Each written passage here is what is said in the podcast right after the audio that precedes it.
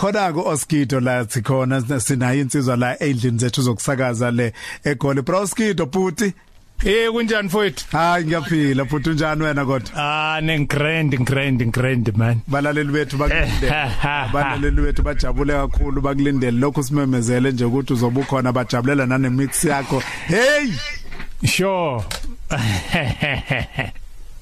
Hayi ke okuningi sizoxoxa ngale kwezindaba. Ngiyazi ukuthi ziningi izinto siphathele zona namhlanje njengomuntu ke ukuthi hawo inkunzi simkantshubomvu Danke ngiyabonga mfowethu. Awuzeke hlele naye ko Oskido sibheke lapha na kuma nqampu nqampu ngalesi sikhathi. Ngoba sithumelela ukuphawula kwakho eh @ukhozi_fm ku Twitter na ku Instagram sikuzwe ukuthi uphawula uthini wena uthanda ukubuza uthini. Yilo ngathanda ukuthi nje umbuze yona eh umfoka mdlongwe njengoba simmemile sinaye studio sethu namhlanje. Okay? Sibone ukuthi siyawathola namanqampu nqampu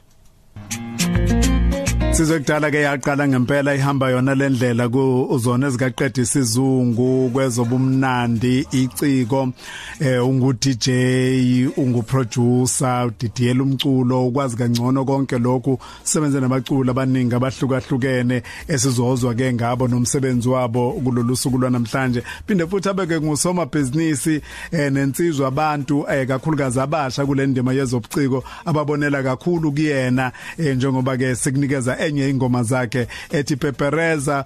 Broskide ke sihleli naye kulolu suku nje lwanamhlanje. Hey le ngoma ethi Pepereza makuthiwa uyapepereza usithi ungazazi ukuthi umuntu osuke ekhuluma kakhulu lo Ha uyazi mfowethu uyazi laba bafika nje baphatha phatha into zabantu. Bengazi bafika nje endaweni seyumthola umuntu siyaphatha phatha that's why sithi yeke into zabantu. Ya pepereza. Nje ufika hey wewe uhlala ne story nje mayefika hey mfowethu yazi nginamathenda hey mfowethu hey kwenzakalana aphumela ile kwenye itafu yazi mfowethu. Okay kulungile ke mfethu usuka iminyaka eminingi kakhulu ungenile kule ndima eh yezomculo mhlawumbe nje uma ungasikhumbuza ukuthi isimngaki kodwa ngiyabona ukuthi sekwama decade impela ama decade nyani impela nje. Ah ne uNkulunkulu usasiphethe mfowethu. Uh, I think from 1990 eh 3 siqale iKalawa eh yabona sabize iKalawa Records mina no Don Laka no Christos and then 1994 then sahlangana ke nabo uMawuta Amandla Speakiri uyabona bona bebazibiza iJazzme Records. And then sahlangana ke saba iKalawa Jazzme uwomunye wabantu ababamba iqhaza elikhulu kakhulu ekukhuliseni eh umculo wekwaito. Awusithatha usiseka ngalesi yasikhathi nisaqala ukungena kuyona le ndima nokuzimbandakanya kwenu ukuba ingcenye yokukhuliswa komculo wekwaito ngaleso sikhathi. Yeah i think uh, ya siqale normally after i uyabona this eh uyakhumbula kudala nje masikhula thina mfana bekudlala ibhazuka. Uyabona kutoyitoyo but after 1994 as youth of uyabona la eh the uh, South Africa sa decide ukuthi thina nje uyabona as young people of that time ukuthi yazi nisikhathele ukuthi sicule nengoma uyabona as a political. So why singa create umculo wethu? Saqala ke i think that's when ikwaito ke yaqala ses bhala uyabona ingoma masibhala ingoma uthola izikhuluma ngento ezenzakala ku community i'm sure uyakhumbula imanyonyoba wenzani ngabafazi babantu? Uzolimala. I'm sure uyakhumbula ne traffic cop ibize emoyeni. That was the life experience because umuntu wethu mayeva ngekara egrand uyabona amapolice abakumise because you are a black person that time. That's why uyabona ingoma yaqala ethi hey traffic cop ibize emoyeni. Mm ngiyakhumbula kakhulu.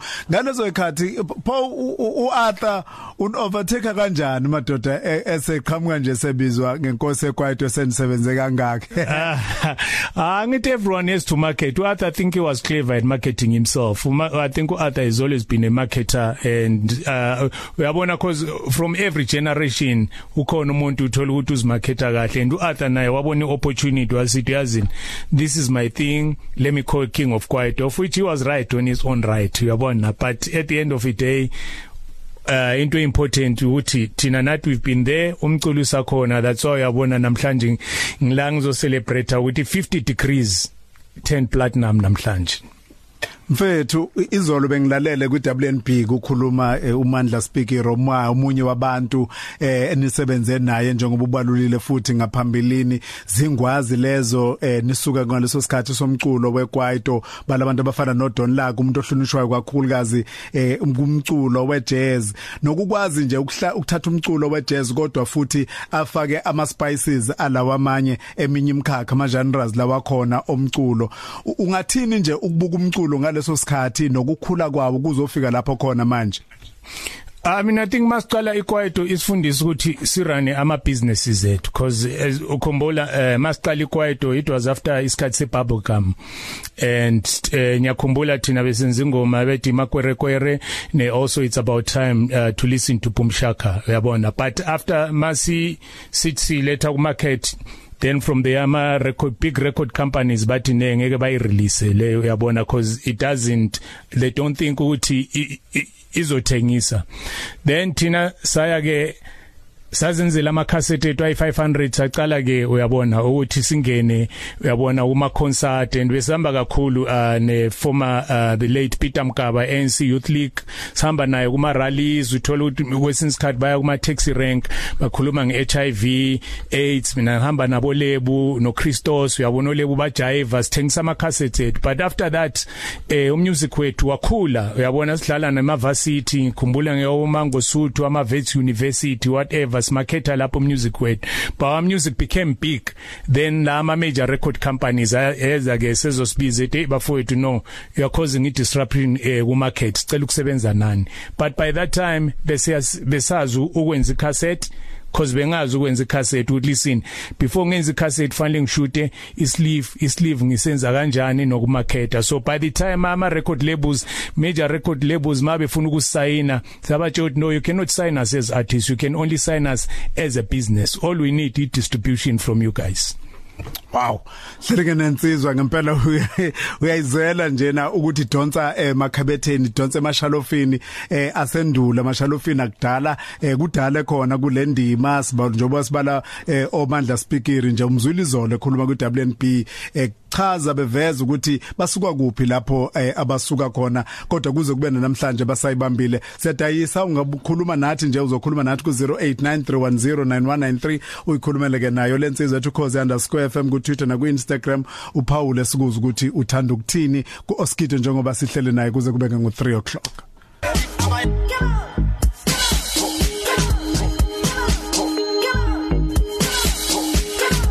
Kaphanela ke kumix yayo lensizwa eh njengoba sihlele nayo nje yasinikeza yona ke kubheke lapha nehoreni lesibili usibonakaliso no no siboniso sibiya emlovu uthi ke ngithanda umsebenzi awenzayo ubhuti Oskido wokufukula abacula basafufusa uthi nje aqhubeke njalo ngomsebenzi wakhe omuhle uIsaac Mchunu eh kwamusi uthi ke muhle umsebenzi kaBrowskido aqhubeke njalo nje nokuzithoba. Umbuzo ke wami uthi ke yini angafisa ukuyibona yenzeka emculweni kulabo baculi banamhlanje uma ubaqhatha uqhathanisa nabo ngekhathi zabo. Bancane sigubuthu uthi ke ngithanda iphimbo lakho Mr Oskido um uthi ke Oskido the legend uthi uyayenza into yakho mntaka baba ibambe kanjalo nje. Um usiboniso sibiya emlovu eh, eh siboniso sibiya. Uyangirobho subuya isibili. Madeleni Mnyando emkhomazi uthi ke ngisuka kude nokulandela uOskito Mandla Speakiri eh uthi ke zaziwa mfethu ngama 90s kuno Trompis em Duma Silela ma Willis uthi ke uthi ke ukhulile uthi kukhulile indoda ku music ngikhumbula ke nelengoma eyithi Africa. Siyabonga kakhulu mfowethu uthube lihle ethango enquthu uthi iqhawu Oskido siyawazi amagalelo akhe kulendima usemkantshubomvu kakhulu. Sibona ukuthi ubani singabathola la ku encingweni zethu ku 0893109193 thatha uqala ukukhozi Eh shona sokalesi mfowethu. Ukhuluma nobongane ngingwakamiya la emnambithi ezakheni kwa e ngani yakwethu? Angibingelela ukulandoda uskido ngiyazi kodwa uthi angizwa eh mina uskido kade ngamlandela. Ukuthi khona i-album yakhe ka-2006 ayishisa kakhulu ayidlala kakhulu lapha e-24 lapha emnambithi bese ngiyikhohliwe ngoba ngine cassette lakhona. Umbuzo wami ke shengo uthi yena yini enze ngayo ukuthi akwazi ukushaya iplatinum njengoba siyazi ukuthi umculo abantu abasawuthengi esikhathini samanje sebebhizi ngokuright. Uyane yini indlela yenze ukuthi ahluke kulabo abanye abaculi? Ngiyabonga shela Okay kulungile kulungile mfika baba thatha omunye ukukhoze. Baba shela Yebo baba. Yebo. Wa ukhuluma noThokozana washabalala la esikhothi wembesi kasi Yebo futhi Ngibingelele nakubhuda hayi leyo ndoda cha sibonga ukuthi ingaphakamisi kwazi ukuzehlisa sicela ukuthi iqhubeke nabanye abasafufusa iphinde futhi ibapha ibafake ngaphansi kwekhwaphalayo. Ah kuzwakela ngane yakwethu? Eh hayi siyabonga umnandi kakhulu umculo wakhe futhi siyabonga. Sabonga kakhulu mfowethu ngithatha omunye ukukhoze Ukukhoze ngiyakubingelela. Sana Yebo baba. Ngaphela mntana uya uyaphila futhi. Ubindwa yini lapho ukunyaphila ngane yakwethu hayi sensebenzile oh cha wesene usukhuluma nokutuza la ya mfowethu ya usukhuluma nokutuza la ngenyama lemithi inkosi yamala lebokhuzi FM cha awumbuze leyo ndoda umfowethu lapho ukuthi kahle kahle eminyakeni ewu-10 ezayo uzibona enjani usizo futhi Okay okay sure mfowethu Angisizo. sure sure ngithathe babe babili kuphela ukukhoze Khoze Umalume Yeah mfowethu uyaphila ubhuku studio lapho Hayi siyaphila ngane yakwethu? Umkhuhlane nje kodwa ke sengunqobile. Ah ukhuluma lexesha likaNhloko ubona nje ingoma yakhe besidlala izolo lomhlelele kade sizinyama izolo kamayimayi Yiphi yona? le kwaito yebo akezo yiphi yona hayi khona la ugcina ukuyikhipha ngisafikwa yini ngifuna ukuyikhipha akanga nje lasidala ngisafunda isikole Okay mfowethu. Sho manje maqhubeka umfowethu nomculo lapho kulungile mfowethu kuzwakela ngane yakwethu. Ngithatha ukugcina nca ukukhoze eh shaya ngicina ngawe mfowethu uthunjana uwe namhlanje. Usemntufa lapha edubele enkunzi isigodi. Eh ulakhe idube lona. Cha kumfowethu ngithi angibe nombuzo lapha ukuthi umuntu olingisa yena ozenza yena uzizwa kanjani ngizolayela emsakazweni ake ngibonga omlungisa kanjani ozenza yena eh, oyilingisa yena njengoba nje ubona abaculi abaningi nje manje ma umuntu masephelele iplani bese ezenza ubani eh bese ecoka ufulana naye njalo njalo njengokwenzeka nala indimeni yamakambi okay nokulungile ngane yakwethu. Ungathanda ukuphawula kulabalaleli bethu kunakulokho abakushilo eh, Oskido? Yeah eish.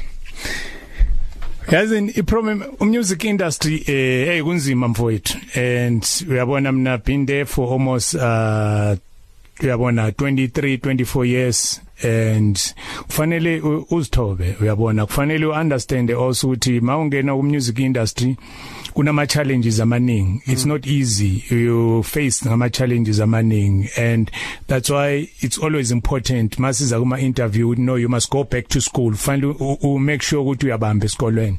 Ucede whatever you are doing and then from there so ungangena nge music industry so that if things into zingahambi kahle uyakhona ukuthi wenze something. So therefore it's not easy the way abantu uh, uyabona uh, abacabanga ukuthi it's easy. Everyone ufuna ukucula everyone ufuna kuba i DJ everyone ufuna kuba ngumrapper.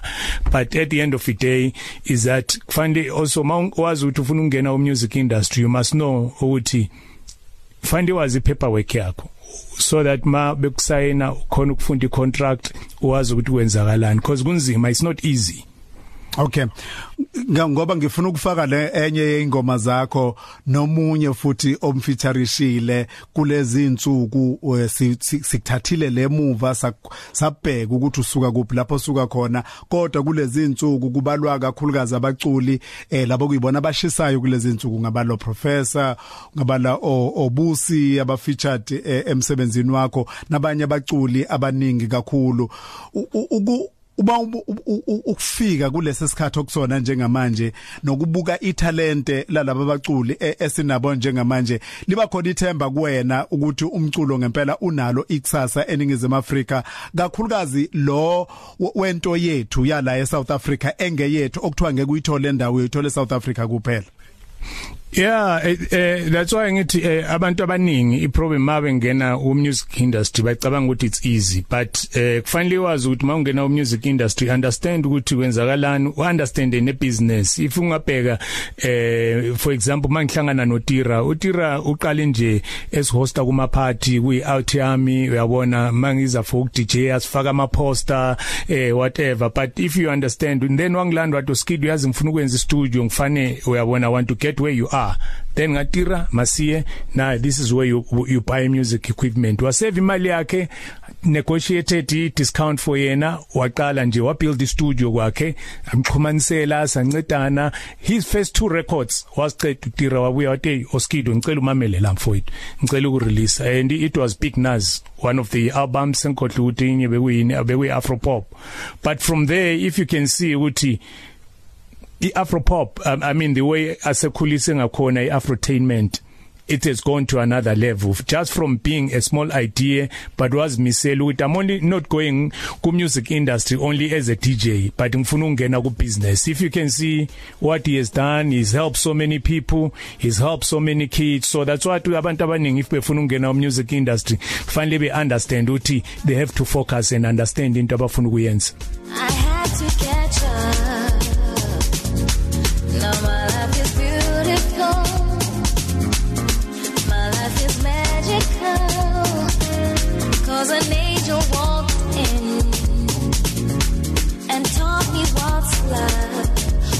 love.